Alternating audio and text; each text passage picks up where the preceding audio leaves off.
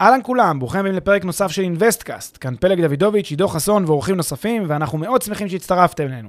הפרק בחסות Rentpo, פלטפורמת השקעות חכמות בנדל"ן עם האנשים שמאחורי InvestCast. Rentpo מאפשרת לכם להשקיע בשקיפות וביעילות בנכסים מניבים, תוך ליווי וניהול מוקפד ומקצועי מקצה לקצה. היכנסו ל-rentpo.com, חפשו השקעה שמעניינת אתכם ותאמו איתנו פגישה דיגיטלית. בנוסף, לפני שנתחיל, נזמין אתכם להצטרף לקהילת המאזינים של InvestCast בפייסבוק. חפשו InvestCast בשורת החיפוש והצטרפו לקהילה. ועכשיו לפרק נוסף של InvestCast.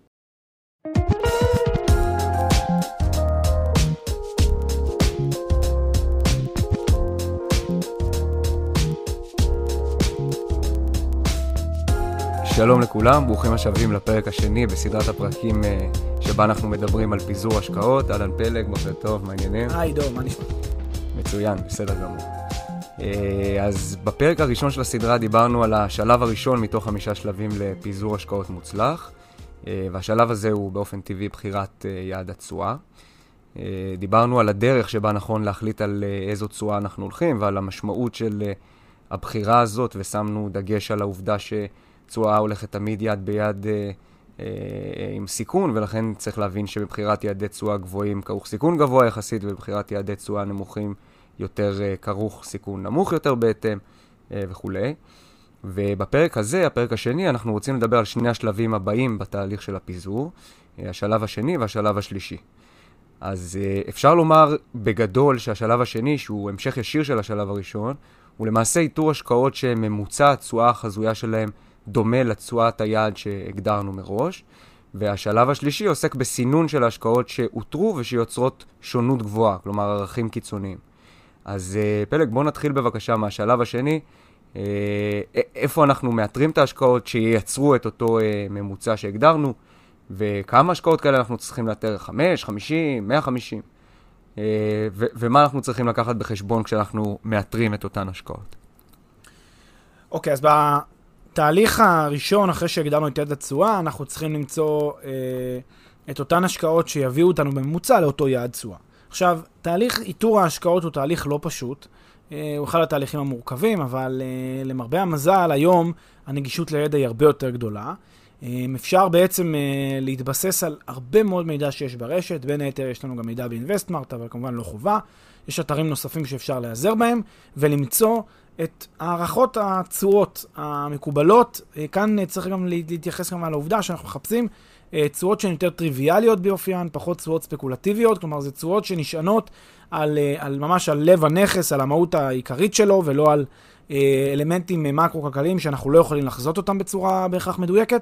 לכן תשואות, מי שצריך אה, להתרענן בזה, זה יש אה, פרק בתוך הפודקאסט של תשואות טריוויאליות לעומת ספקולטיביות, אז כדאי לעבור שם לפני, לפני, ש, לפני הפרק הזה. אז בגדול אנחנו מחפשים את אותן תשואות טריוויאליות שיביאו אותנו בממוצע לתשואת היעד שלנו. איך אנחנו עושים את זה? אנחנו בעצם אומרים ככה, אם אני מדמיין לרגע איזושהי תשואה ממוצעת שאני מנסה לחפש אותה. אני קודם כל צריך להבין ברמה של, אה, אה, ברמה של כותרת, איזה סוג של השקעה ברמת הכותרת מביאה אותי לתשואה הזאת. האם זאת השקעה שהיא יותר סולידית באופייה? גם בתוך סולידית זה תלוי. סולידית, אה, מה? סולידית בגלל שהיא סולידית בנדל"ן למגורים סולידית, אה, סולידית בגלל שהיא בעיר גדולה, במרכז העיר, ממש בצנטרום של הצנטרום, שאי אפשר לטעות שם ולא תהיה בעיה להשכיר וכולי. מה הופך אותה לסולידית? אני צריך ממש להגיע לרזולוציה של איזושהי כותרת, אמנם כללית, אבל עדיין שנשענת על איזושהי הבנה טובה של סוג הסיכון שמגולם באותה תשואה שאני מכוון אליה. עכשיו, קיבלתי נניח איזושהי, איזושהי מסקנה שנניח מדובר בצורה סולידית יחסית, אבל לא ממש מרכז העיר. עכשיו אני אומר לעצמי, אוקיי, אני מחפש נכס שאו שהוא נמצא אה, לא במרכז העיר, בעיר גדולה יחסית, כי זה נכס סולידי, נניח נדל"ן למגורים, או שאני עכשיו טיפה משחק עם ה... עם ה, עם ה כמו, כמו עם הרדיוס אה, שלי, מגדיל אותו, כמו ליצור מעין מעגל כזה שהולך וגדל, שמקיף את, ה, את האזור שהרגע בחרתי. ואני מתחיל לחפש כל מיני מרכיבים דומים באותו מעגל, כל מיני נכסים או השקעות שיש להם מרכיבים דומים לאותו מרכיב שיש לי כרגע כאן לפניי. דוגמה פשוטה, נניח אני מדבר על עיר כמו ברלין, עיר שהיום יש שם תשואות יחסית סולידיות של 3, 3.5, 4 אחוז במרכז, מרכז, מרכז העיר. אם אני קצת יוצא ממרכז העיר לשכונות כמו טמפלו וכולי, אז אני יכול להגיע לתשואות של אפילו 5%, אולי 4.5%, ואז אני מבין שזה בעצם התשואה, נניח אני מחפש תשואה כזאת, 4.5-5%, זה מה שאותי מעניין. אז אני מבין שבברלין הייתי צריך להתמקד בסביבה שהיא מחוץ למרכז ממש של העיר. אם אני עושה עכשיו הגדלה של, של הרדיוס הזה, מתחיל לחפש עוד ועוד ועוד השקעות, אז אני מבין שלמשל, מה שנחשב פריפריאלי בברלין, זה ממש מרכז העיר בוורשה. זה ממש מרכז העיר ברומניה לפעמים. ממש ממש המרכז, הנכס הכי מרכזי ברומניה. בבוקרסט לצורך העניין. זה ממש הנכס הכי מרכזי בליסבון. ואז אני מבין שזו התשואה שאני פחות או יותר צריך אה, לחפש אותה. או נכס ממש מרכזי בליסבון, ורשה, בוקרסט, או נכס פריפריאלי בערים כמו למשל אה, ברלין, מילאנו, אה, ניס, מקומות כאלה. נכס שהוא פחות מרכזי, יותר פריפריאלי, ואז אני מגיע לאותה, לאותה תשואה שהיא יחסית דומה בין כל, ה, בין כל הערים שהרגע אמרתי. אז ככה אני מתחיל להרכיב את אותם אה, נכסים שעוטפים מבחינה רעיונית את התשואה שאני כיוונתי אליה. למה עוטפים ולמה לא בדיוק? כי חלק זה לא בדיוק 5%, חלק זה 5.7, חלק זה 5.2, חלק זה 4.6, חלק זה 3.5, ואז בעצם יש לי מין מנעד כזה של מאיזושהי תשואה מינימלית לתשואה מקסימלית, כשלכולם יש פחות או יותר את אותו אופי. כולם פחות או יותר הם סביב הממוצע הזה של החמישה אחוז.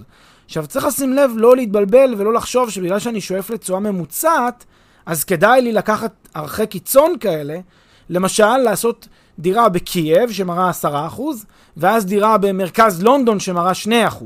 ואז אני אגיד, טוב, הממוצע יהיה 6%, אם אני מכוון ל-6%. לא, זה לא טוב. כי אז יש לי מין, יש, יש מה שנקרא סטיית תקן גדולה מדי בין שני הערכים שחוקים מהממוצע. כל המטרה שלי היא לעשות סטיית תקן כמה שיותר קטנה.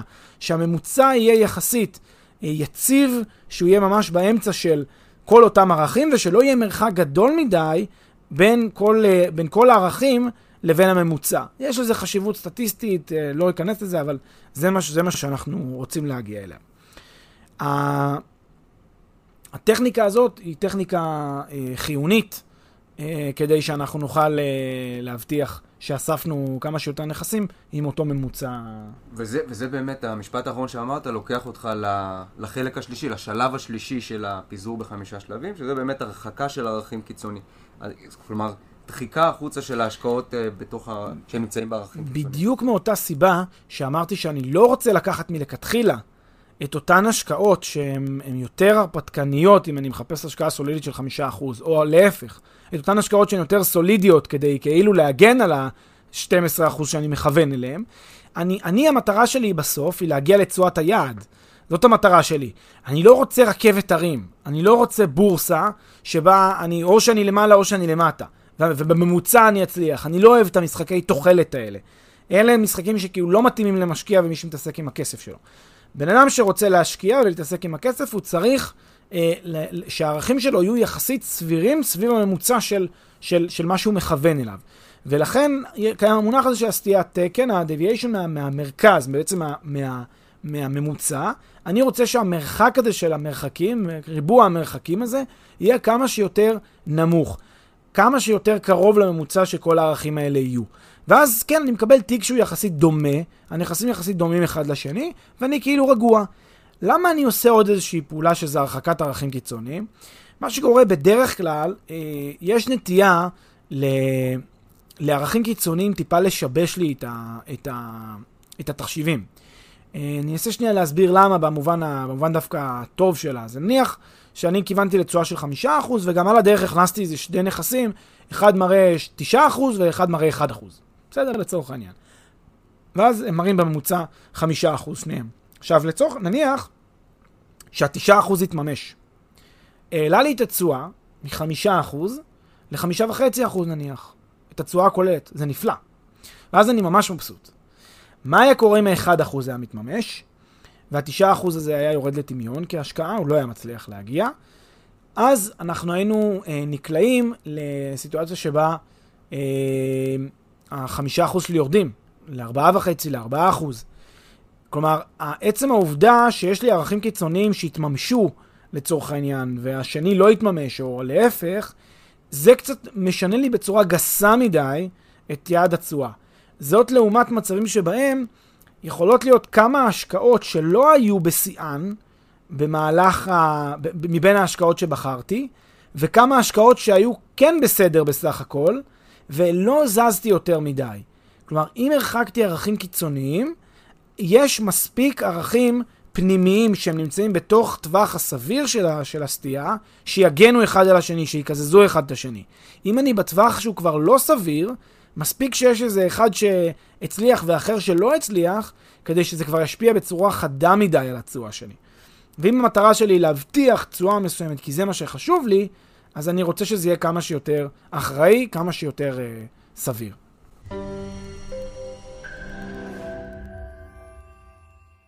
הפרק בחסות מחירון פרופדו, מחירון הדירות של ישראל. מחירון הדירות המקיף והמתקדם בישראל, המאפשר לכם לגלות בלחיצת כפתור מהו המחיר של הנכס. והכל בחינם. חפשו בגוגל מחירון פרופדו או מחירון הדירות של ישראל.